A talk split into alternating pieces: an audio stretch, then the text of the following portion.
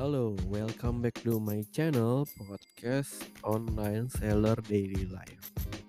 Kali ini gue mau ceritain ide bisnis lagi nih, masih dalam rangkaian podcast tentang ide bisnis. Nah, episode ini gue mau kasih tahu ide-ide bisnis yang berhubungan dengan dunia fotografi. Gua pernah menjalani hidup sebagai fotografer, jadi dari tahun 2011 mungkin ya sampai 2017, 18 gitu ya.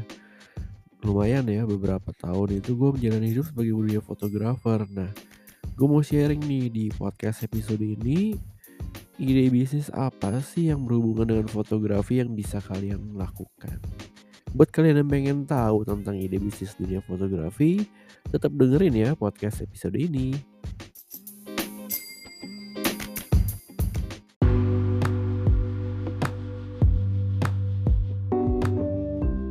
Oke, jadi lu udah punya kamera ceritanya ya. Kalau lu udah punya kamera, ya lu udah bisa kerja sebenarnya. Nah, gue mau cerita ini beberapa ide bisnis yang berhubungan dengan fotografer. Kameranya perlu apa sih sebenarnya?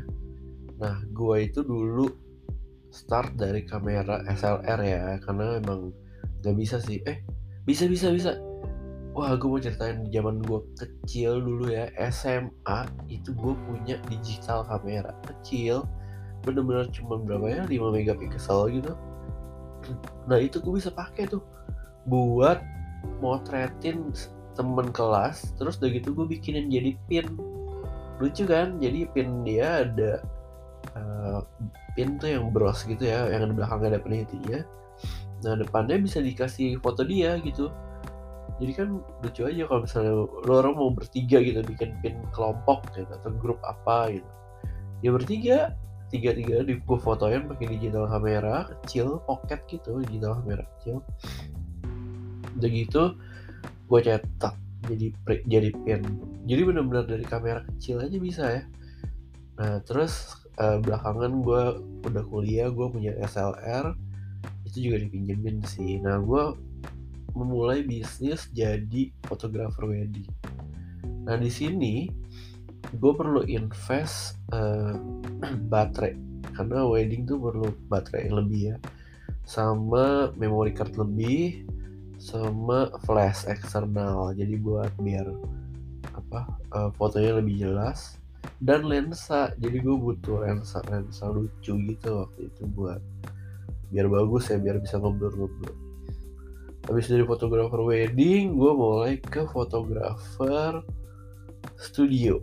Nah jadi gue udah bikin studio nih. Gue beli alat alat lighting gue beli tripod terus ada beli trigger lah, softbox, payung, ya kayak gitu-gitu gue pakai tuh buat studio foto.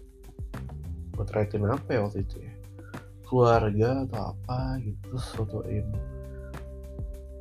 ya konsep-konsep gitu. Nah itu lumayan modalnya ya paling 2-3 juta lah ya lighting. Tapi lo harus punya studionya ya, jadi ada ruangannya juga dan lain-lain terus gue mulai motretin makanan terus produk terus dan sampai ke restoran. Nah itu ide-ide bisnis yang bisa kalian pakai kalau kalian menjadi fotografer. Gimana cara cari kliennya? Lo bikin portfolio deh di Instagram hard selling tawar-tawarin deh itu ke customer-customer di Instagram yang jualan. Bahkan bisa juga kerjasama sama apa GrabFood, GoFood, ShopeeFood gitu ya motretin restorannya. Nah, selain untuk jadi fotografer wedding, fotografer produk, fotografer makanan, kalian juga bisa jadi fotografer baby. Jadi baby itu ternyata punya uh, treatmentnya sendiri dan pasarnya sendiri ya fotografer baby, bayi baru lahir apalagi itu susah dan propsnya juga mesti bersih clean gitu ya susah tuh. Lightingnya juga nggak boleh yang flash harus lighting yang continuous. Nah itu temen gue ada jadi fotografer baby. Terus juga fotografer konser bisa juga. Selain itu juga ada fotografer hewan. Nah gue pernah tuh motretin hewan. Tapi ini proyek proyek sukarela ya buat namanya Let's Adopt gitu. Jadi hewan-hewan ini gue fotoin warna-warni lucu deh. Bikin jadi kalender. Itu gue tahun berapa ya? Lupa. Nah itulah kisah ceritanya untuk jadi fotografer. Ide-ide bisnisnya kan banyak ya. Nah kalau buat jadi fotografer produk itu kalian perlu invest lighting gak usah gede-gede ya soundboxnya kenapa? Karena produk itu kan sebenarnya misalnya kayak jam tangan. Lo taruh di atas uh, meja kecil aja udah cukup ya. Yang kalian perlu invest adalah lensa makro gue pakai lensa Canon 100 mm makro. Jadi pertamanya itu gue beli yang harganya 2 jutaan yang seri pertama. Yang masih manual apa bukan manual. Fokusnya lama gitu ya seri pertama wah tuh gue suka banget tuh hasilnya bagus. Oke kok. Bagus juga hasilnya. Terus gue udah ada duit ya gue beli yang L series sekarang. Yang ada stabilizer juga. Itu juga bagus. Itu habis itu lensa terus foto perlu invest lighting invest trigger softbox props yang paling banyak sih props. Jadi gue kalau dulu kalau jalan-jalan ada props lucu gue beli ada props lucu gue beli props bagus gue beli. Sampai penuh sampai sampai kadang-kadang nggak kepake juga sih props. Iya itu sih untuk invest props. Kalau untuk wedding lu butuh menurut gue ya lu nggak bisa pakai mirrorless kalau makanan sama produk kan ya gue bisa pakai mirrorless tuh udah bagus ya.